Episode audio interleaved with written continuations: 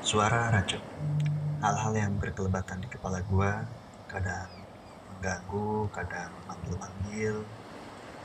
Ya, sebuah pergulatan batin dan kesintingan yang ada baiknya ditumpahin lewat racun suara. Siapa tahu ada yang mau dengar? Suara racun. Selamat diracuni.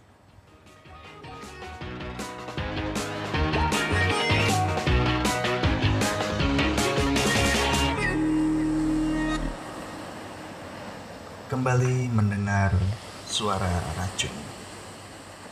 Sebelumnya terima kasih buat yang rela mendengar episode pertama suara racun di podcast Suara Racun bersama Papa Uban. Eh, seperti di episode pertama, banyak hal yang sering berkelebatan di pikiran gua dan lama-lama ketimbun dan ya ada baiknya buat ditumpahin lewat media rekam suara. Kali ini mau uh, bersuara tentang belajar nulis. Ya, belajar nulis. Hmm, ya masih ingat gak ya kita gimana pertamanya belajar nulis? Ya, mungkin kalau melihat uh, keponakan kita, adik kita, atau saudara kita yang masih di bangku sekolah dasar, ya mungkin kita akan sedikit uh, flashback ya. Oh ternyata belajar nulis itu bertahap. Nah tapi mungkin gue gak akan se detail itulah ya mencoba bersuaranya karena poinnya adalah uh, menulis itu salah satu hal yang nggak bisa kita lepasin sih dari dari kehidupan kita sehari-hari. Tapi banyak juga orang yang tidak bisa menulis bahkan tidak bisa menulis dengan benar gitu. ya mungkin gue juga termasuk yang seperti itu Nah, tapi uh, pemikiran ini lagi-lagi datang dari lingkungan yang ada di sekitar gue ya. Ya mungkin gue cuma sedikit ini aja sih, maksudnya metode untuk belajar ya. Salah satunya mungkin belajar menulis. Ya mungkin dimulai dari kita menjiplak atau mencontoh uh, penulisan seseorang gitu. Dari kita menjiplak akhirnya kita apa ya mencoba untuk menulis ulang atau menyalin. Setelah itu kita bakal baca kita bakal lihat apa susunannya sudah enak apa belum atau sesuai atau tidak dengan uh, jiplakan kita. Atau malah kita mulai mencoba untuk melengkapi jiplakan dengan bahasa uh, kita sendiri gitu. Ya dengan memulai dengan uh, menjiplak atau mengikuti seseorang itu salah satu stimulus untuk kita belajar menulis sih. Nah, seiring dengan waktu kita banyak baca, banyak uh, melihat, akhirnya kita juga bisa melengkapi dengan gaya dan ciri khas penulisan kita. Nah, ya di pendidikan kita dari sekolah dasar atau sampai sekolah menengah atas kayak tetap ada dan diajarin cara menulis ya tapi kan nggak banyak juga orang yang akhirnya ngeh gimana cara menulis yang baik dan sering kali ketika ada tugas menulis atau harus membuat tulisan yang uh, formal ya kita gagap juga gitu buat menulisnya. Dari mulai uh, membuat uh, strukturnya bagian perbagiannya tanda bacanya. Atau sampai akhirnya uh, membuat uh, tulisan kita bisa dimengerti sama orang yang baca gitu. Ya mungkin PR kita sama-sama sih.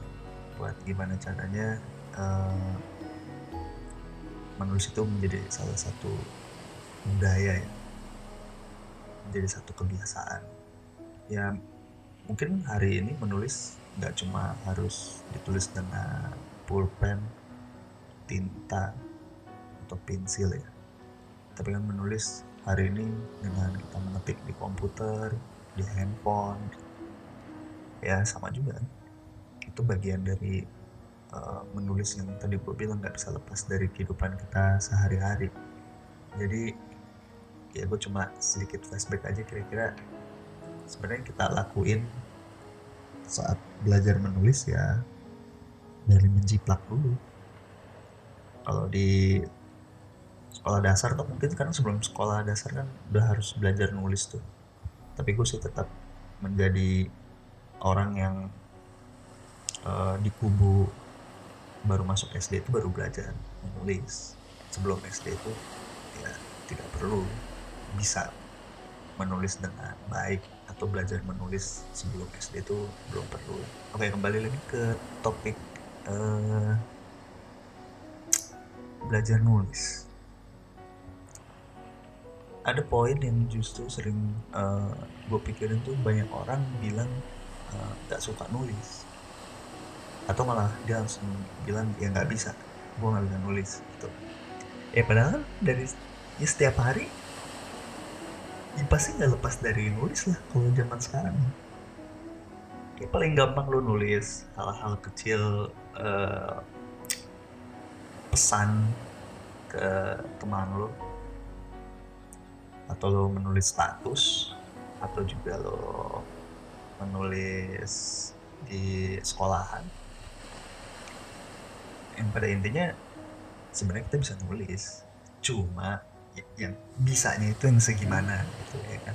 Pasti jadi uh, pemikiran kita bahwa eh, nggak bisa nulis? Mungkin karena nggak bisa nulis yang benar gitu ya. Kalau bagus ya relatif soalnya ya. Banyak orang banyak tulisannya biasa-biasa aja tapi orang baca itu bisa dibilang mereka ngerasa itu bagus. Ada orang tulisannya bagus banget tapi orang ngerasa juga biasa-biasa aja jadi maksudnya relatif nah tinggal masalahnya yang harus kita pahamin dulu ketika kita menulis kita tahu menulis itu untuk apa ya kan? Kita menulis untuk apa. Yang pastinya kita nulis untuk uh, menyampaikan informasi yang kita tangkap gitu kita nulis Nah, informasi itu bisa buat diri kita, bisa juga buat uh, orang lain yang nanti membaca tulisan kita. Nah, buat diri kita sendiri aja, ketika kita menulis, paling tidak tulisan kita juga harus bisa terbaca sama kita sendiri. Bukan masalah tulisannya bagus atau enggak ya, maksudnya tulisan itu bisa kita mengerti. Nah, dari situ kita nanti maju ke tahap selanjutnya ya kita nulis gimana cara tulisan kita itu orang bisa mengerti dan enggak um, apa ya meng jidatnya nggak berkerut gitu pas baca karena bingung. Tapi ya uh, gue sih percaya sampai sekarang orang semuanya bisa nulis ya cuma gimana caranya dia uh, membuat tulisan itu bisa dimengerti atau tidak atau langsung bisa dimengerti atau butuh beberapa kali dibaca baru mengerti. Pada pada intinya gue masih merasa dan meyakini bahwa semua orang itu bisa nulis. Uh, ya gue yakin sih menulis itu jadi salah satu uh, cara kita untuk menyimpan informasi uh, yang pernah lewat. Atau mungkin saat ini atau mungkin juga tulisan itu menyimpan uh, ya gagasan kita di uh, masa depan gitu. Jadi banyak banget fungsinya. Makanya banyak banget buku-buku dari zaman dulu atau tulisan-tulisan yang sampai hari ini masih bisa kita baca gitu. Dan hmm, ya gue nggak tahu ya. Kalau di Indonesia budaya menulis itu terus dibiasakan atau tidak? Karena eranya dulu mungkin ada ya dengan orang uh, terbiasa untuk menulis.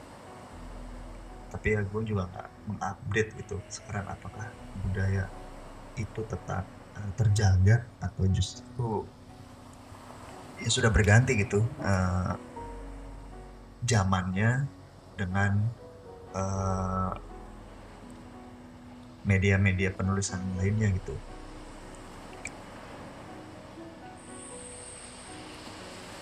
Oke, okay.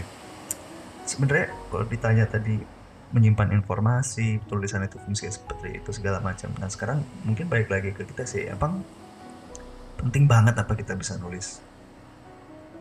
Mungkin akan ada pertanyaan seperti itu. Emang seberapa penting sih kita bisa nulis? Kalau menurut gue sih penting banget. Dari hal-hal yang paling uh, mungkin orang ngeliatnya mendasar ya atau biasa aja. Tapi buat gue itu penting.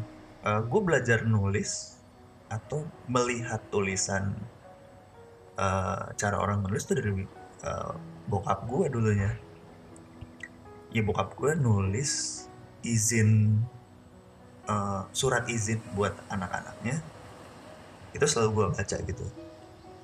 Oh dia bikin tulisannya caranya kayak gini. Ya mungkin orang cara beda-beda ya cara nulisnya tapi waktu itu gue masih kecil lah. Karena kakak-kakak gue dibikinin surat izin terus gue lihat.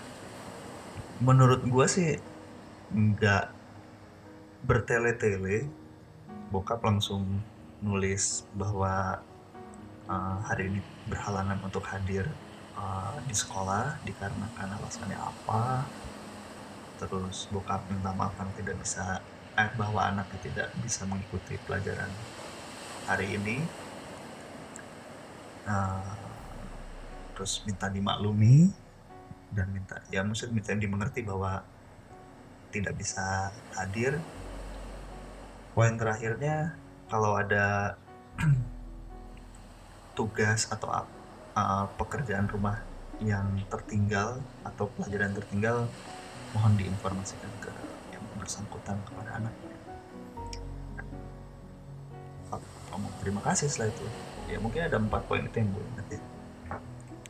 Tapi untuk menentukan poin-poin itu aja kan butuh uh, apa ya pengalaman dan membiasakan sih. Menurut gue ya. Karena orang juga bingung gitu surat izin. Atau mau saya surat izin deh. Bikin tulisan buat ngucapin uh, apa ya misalnya baru melahirkan kah uh, anak temen kita contoh anak saudara kita. Bikin tulisan di kartu ucapan bikin tulisan ucapan ulang tahun atau ucapan hari besar. Bingung gitu. Ya mungkin sekarang zamannya kan tinggal buka Google searching keywordnya ketemu kita tinggal menjiplak tadi itu. Ya kemudahan itu udah ada gitu. Tapi kan kalau seandainya nggak ada Google atau nggak ada media untuk kita menjiplak otomatis kan kita pakai uh, atau kita pasti mengoptimalkan uh, kebiasaan kita buat menyusun kata per kata. Sehingga akhirnya kata itu jadi bisa orang mengerti gitu. Untuk bikin ucapan tadi gitu yang paling sederhana. Ya makanya gue bilang penting banget lu bisa nulis gitu.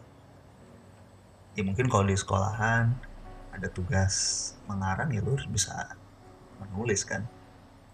Atau nanti naik tingkat ke, uh, setelah sekolah menengah atas lo harus bikin karya ilmiah atau mungkin sekarang di sekolah menengah atas juga udah ada.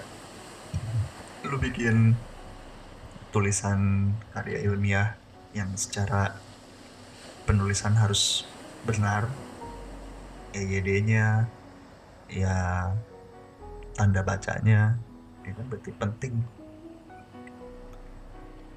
Uh, ya atau paling ini lu nulis yang udah kerja nulis notes di pekerjaan lo uh, untuk diri lo atau mungkin rekan kerja lo yang lain. Ya seberapa penting ya? Gue penting. Penting banget gitu lo bisa nulis.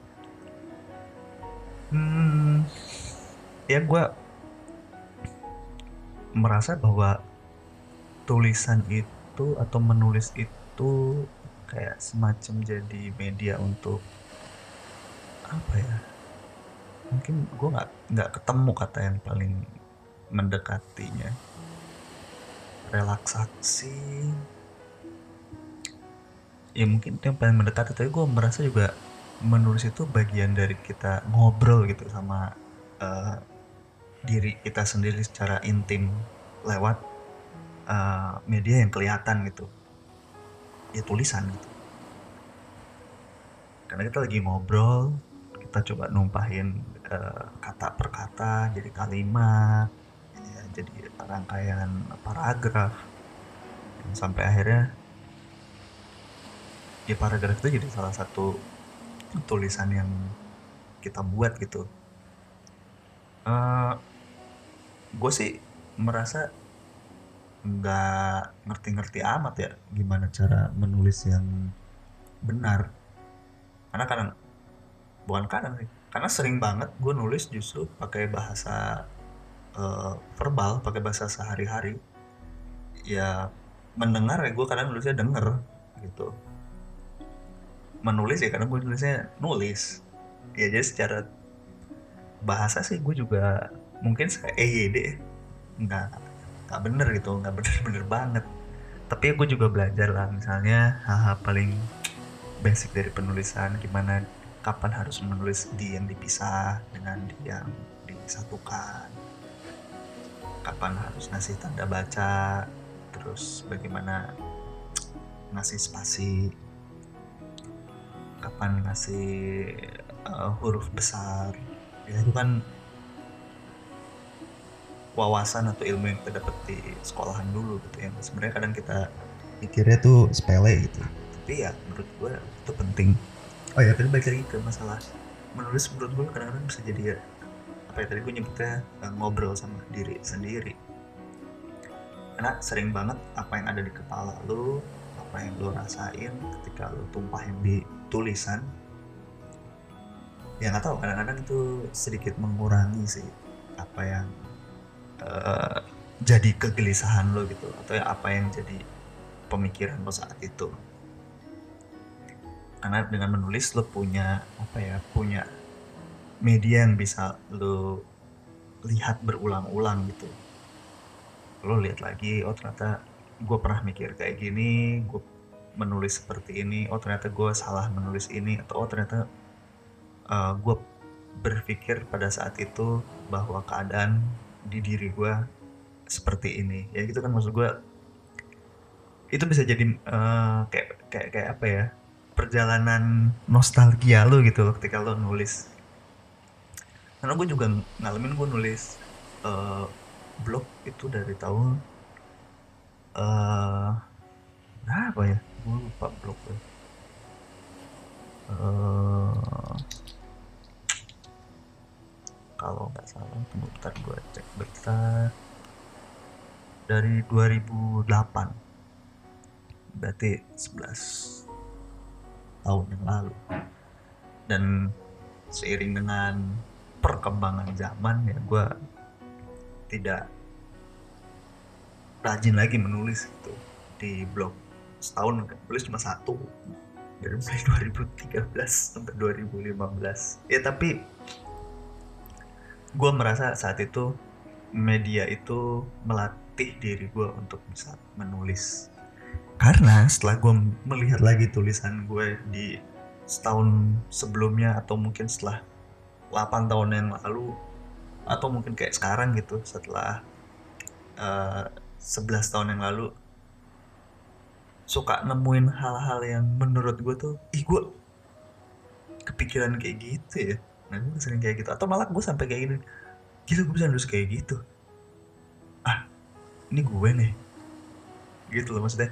Dan kelihatan banget dari tulisan-tulisan di blog itu gradasi uh, cara menulis tuh berasa gitu maksudnya. Di awal nulisnya gimana terus tahun berikutnya gimana sampai ke sini sini tuh kayak kayak ada gradasinya gitu. Jadi ya gue merasa bahwa manusia pasti akan tumbuh dengan sendirinya. Ya seperti menulis itu juga dia akan tumbuh juga dari uh, ilmu dan wawasan yang kita dapat gitu. Kayak gue bilang ya gimana ya?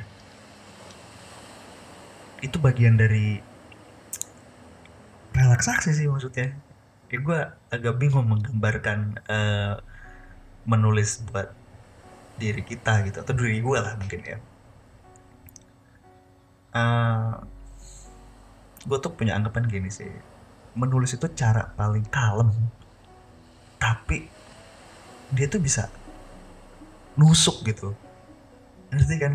Cara yang paling kalem maksudnya lo nggak kedengaran gimana gimana tapi lo bisa langsung nusuk kalau emang tulisan itu tuh ada nilainya gitu loh.